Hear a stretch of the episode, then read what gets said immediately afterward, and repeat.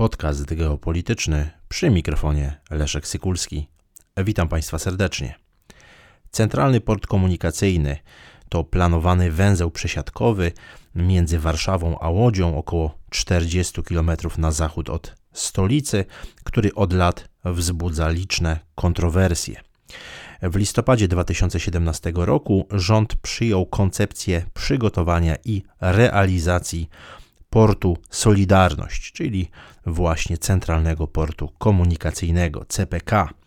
Już w czerwcu 2018 roku została przyjęta specustawa o Centralnym Porcie Komunikacyjnym, którą podpisał prezydent Andrzej Duda. Natomiast w ubiegłym roku w lipcu Sejm uchwalił ustawę o usprawnieniu procesu inwestycyjnego CPK. Jeśli chodzi o ogólne założenia koncepcji y, CPK, te, które są oficjalnie przedstawiane opinii publicznej od kilku lat, to przede wszystkim tutaj mm, mówi się o budowie węzła transportowego opartego na węźle lotniczym, mm, na węźle kolejowym, a także o integracji z krajową i międzynarodową siecią tras kolejowych i drogowych. Mm, także takim niezależnym celem ma być integracja aglomeracji warszawsko-łódzkiej i jak y, przedstawiają właśnie mm, urzędnicy tej, tej spółki, czy też politycy lobbujący na rzecz e, powstania CPK, stworzenie silnego centrum gospodarczego, które miałoby e, stać się, cytuję, kołem zamachowym rozwoju Polski. E, I tutaj na, na oficjalnej stronie CPK możemy przeczytać, że założeniem portu lotniczego i całej inwestycji CPK jest, cytuję, służba Polsce i jej mieszkańcom przez wiele dekad. E, koniec, e, koniec cytatu. Natomiast w bieżącym miesiącu pojawił się bardzo ciekawy wywiad z byłym zastępcą dowódcy wojsk amerykańskich w Europie, mm, generałem dywizji armii amerykańskiej Johnem Gronskim, który został właśnie zapytany o budowę w Polsce CPK. I y, tutaj generał Grąski y, koncentrował się przede wszystkim w tym wywiadzie dla Polskiej Agencji Prasowej y, na znaczeniu militarnym tego obiektu. Podkreślił, że mm, wszystko, co sojusznik NATO może zrobić, aby ułatwić poruszanie się w obrębie Paktu Północnoatlantyckiego, jest niezwykle cenne. No i tutaj warto przypomnieć chociażby mm, jedno z ostatnich wystąpień na temat CPK prezydenta Andrzeja Dudy, który zwrócił uwagę, że ten kompleks ma pełnić funkcję globalnego centrum komunikacji ale także prezydent Duda podnosił potrzebę m.in. sprawnego transportu oraz zaopatrzenia dla żołnierzy i obiektów wojskowych.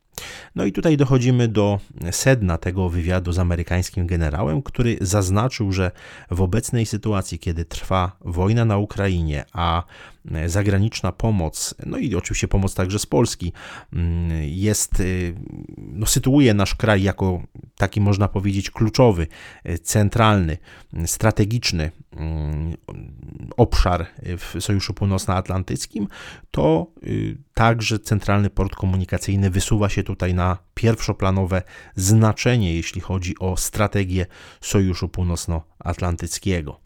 Generał Grąski powiedział m.in., cytuję, Linie kolejowe i szerokie autostrady są niezbędne, aby żołnierze i sprzęt mogli dotrzeć tam, gdzie muszą.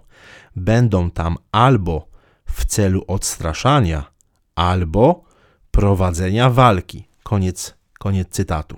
Amerykański generał wcale nie kryje istoty i znaczenia Centralnego Portu Komunikacyjnego, jeśli chodzi o strategię Sojuszu Północnoatlantyckiego. No, zwraca przy okazji uwagę na podobne węzły transportowe o przeznaczeniu wojskowym, innymi system tranzytowy Clarksville mm, w stanie Tennessee, z którego korzysta baza armii e, Fort Campbell i 101 Dywizja Powietrzno-Szturmowa. Mówi o tym, że istnieje wiele innych przykładów, które odgrywają właśnie ważną rolę militarną. Powoływał się na przykłady także jeszcze z czasów wojny secesyjnej, kiedy generał Grant wykorzystywał pociągi do celów e, wojskowych. E, wspominał także o e, Dwightie Eisenhowerze, który był odpowiedzialny za system autostrad międzystanowych na terenie Stanów Zjednoczonych, który był stworzony w ramach amerykańskiej strategii obronnej. No i tutaj mm, amerykański generał wskazuje na kluczowe czynniki, które rząd w Warszawie powinien potraktować priorytetowo, aby e, właśnie zapewnić pomyślny rozwój i integrację centralnego portu komunikacyjnego z, jak to określił, zarówno regionalnymi, jak i międzynarodowymi strategiami bezpieczeństwa. E, powiedział, cytuję: Niezbędne będą linie kolejowe i autostrady prowadzące do i z CPK. Dobre lotnisko bez dodatkowych arterii transportowych miałoby niewielką wartość. E, koniec cytatu. Generał Grąski, pytany o wpływ CPK na infrastrukturę NATO i zdolności strategiczne sojuszu w regionie, no, zwłaszcza w świetle roli Polski w tej architekturze bezpieczeństwa, Odpowiedział krótko, że CPK ma zwiększyć możliwość szybkiego przemieszczania sił NATO. No i na samej, w samych takich powiedziałbym oficjalnych publikacjach CPK, także tych na stronie internetowej e, tego projektu, tej spółki, możemy przeczytać, że spółka CPK konsultuje z wojskiem zakładane parametry i dane projektowe już od 2019 roku. Też warto zauważyć, że co jakiś czas w mediach pojawiają się kolejne informacje, chociażby dziennik Fakt pod koniec lipca bieżącego roku opublikował artykuł, w którym, w którym pisał, że na świat, cytuję, na światło dzienne wychodzą kolejne rządowe plany, że mm, są właśnie odkrywane nowe, nowe plany rządowe. Natomiast tutaj y, okazuje się z tych oficjalnych komunikatów y, spółki CPK, że y, ten nowy port między Warszawą a Łodzią będzie można wykorzystywać również militarnie, co zresztą władze spółki e, podkreślają, iż takie informacje w mediach pojawiają się od kilkunastu miesięcy i spółka tego w żaden sposób nie dementuje, wręcz odwrotnie e, przyznaje, że e, że konsultacje z wojskiem trwają i właśnie te parametry, dane projektowe są, są konsultowane.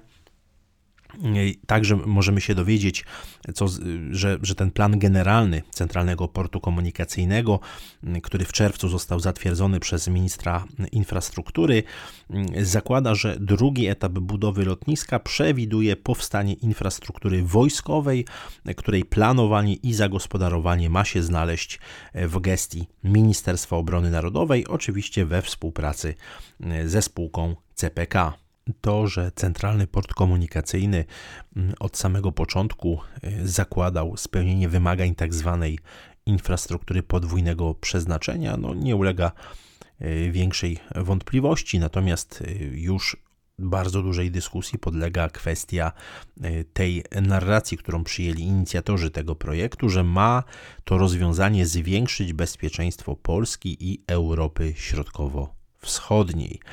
Możemy przeczytać także na, w oficjalnych komunikatach spółki CPK, że cytuję: W związku ze strategicznym położeniem, nasz kraj potrzebuje lotniska o dużej przepustowości, zdolnego do operowania w trybie 24 godziny na dobę, przystosowanego do obsługi cargo, podłączonego do sieci dróg szybkiego ruchu i kolejowej.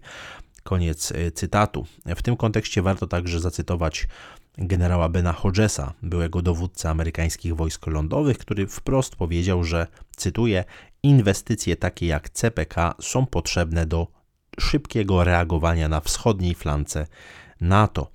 Koniec cytatu. Tutaj generał Hodges dodał także, że właściwie y, żadne inne mm, węzły, żadne inne tego typu projekty nie zapewniają podobnej przepustowości, y, nie dają y, żaden inny węzeł w Polsce, ani nawet w ogóle w Europie Środkowo-Wschodniej, żaden inny węzeł nie daje takiej przepustowości i możliwości logistycznych. To jasno pokazuje, że Amerykanie uczynili z tego projektu bardzo ważny mm, element budowania strategii mm, Sojuszu Północnoatlantyckiego na tak zwanej wschodniej flance NATO, Y, która to strategia czyni z nas y, kraj, można powiedzieć, frontowy, y, kraj kluczowy, jeśli chodzi o przedłużenie właśnie tych interesów strategicznych NATO, czy w ogóle amerykańskich. Stajemy się zderzakiem strategicznym. Wielokrotnie już zresztą w podcaście geopolitycznym mówiłem o tej amerykańskiej koncepcji, koncepcji zderzaków strategicznych i ten projekt CPK wpisuje się w tę całą koncepcję strategii, strategii amerykańskiej. Rodzi się tutaj pytanie, czy tego typu strategiczne projekty wzmacniają czy też obniżają poziom bezpieczeństwa państwa polskiego.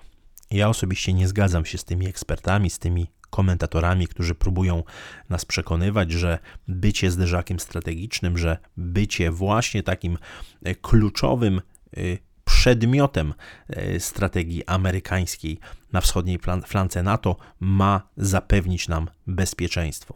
Zwłaszcza biorąc pod uwagę fakt, że w strategii amerykańskiej o wiele ważniejszy jest Bliski Wschód i Indo-Pacyfik niż Europa. I no, trudno nie zakładać różnych scenariuszy, łącznie z tym, że jeżeli dojdzie do eskalacji konfliktu na Bliskim Wschodzie, czy też na przykład do e, rosnącej mm, rosnącego napięcia w cieśninie tajwańskiej, to wówczas Stany Zjednoczone ograniczą swoją strategiczną obecność w Europie.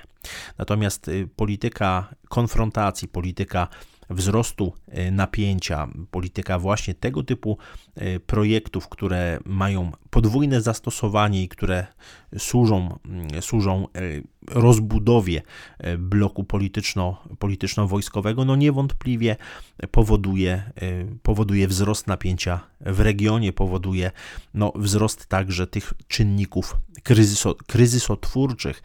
Z punktu widzenia bezpieczeństwa państwa polskiego jest to strategia niezwykle niebezpieczna, przyjmowanie na siebie roli zderzaka strategicznego, jeszcze raz powtarzam, jest w mojej ocenie czynnikiem obniżającym nasze bezpieczeństwo, a nie je zwiększającym.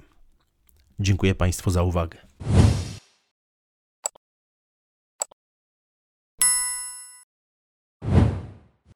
Szanowni Państwo, zapraszam Państwa serdecznie do odwiedzenia księgarni geopolitycznej, gdzie w sprzedaży jest już drugie wydanie mojej książki zatytułowanej Geopolityka a bezpieczeństwo Polski. To książka, która w sposób przystępny pokazuje genezę najważniejszych koncepcji geopolitycznych, które kształtowały e, polską myśl geopolityczną, polską politykę zagraniczną e, i rzuca nieco więcej światła na e, otoczenie międzynarodowe Rzeczypospolitej współcześnie. Zakupy w księgarni geopolitycznej to także forma wsparcia dla podcastu geopolitycznego. Zapraszam serdecznie na geopolityka.info.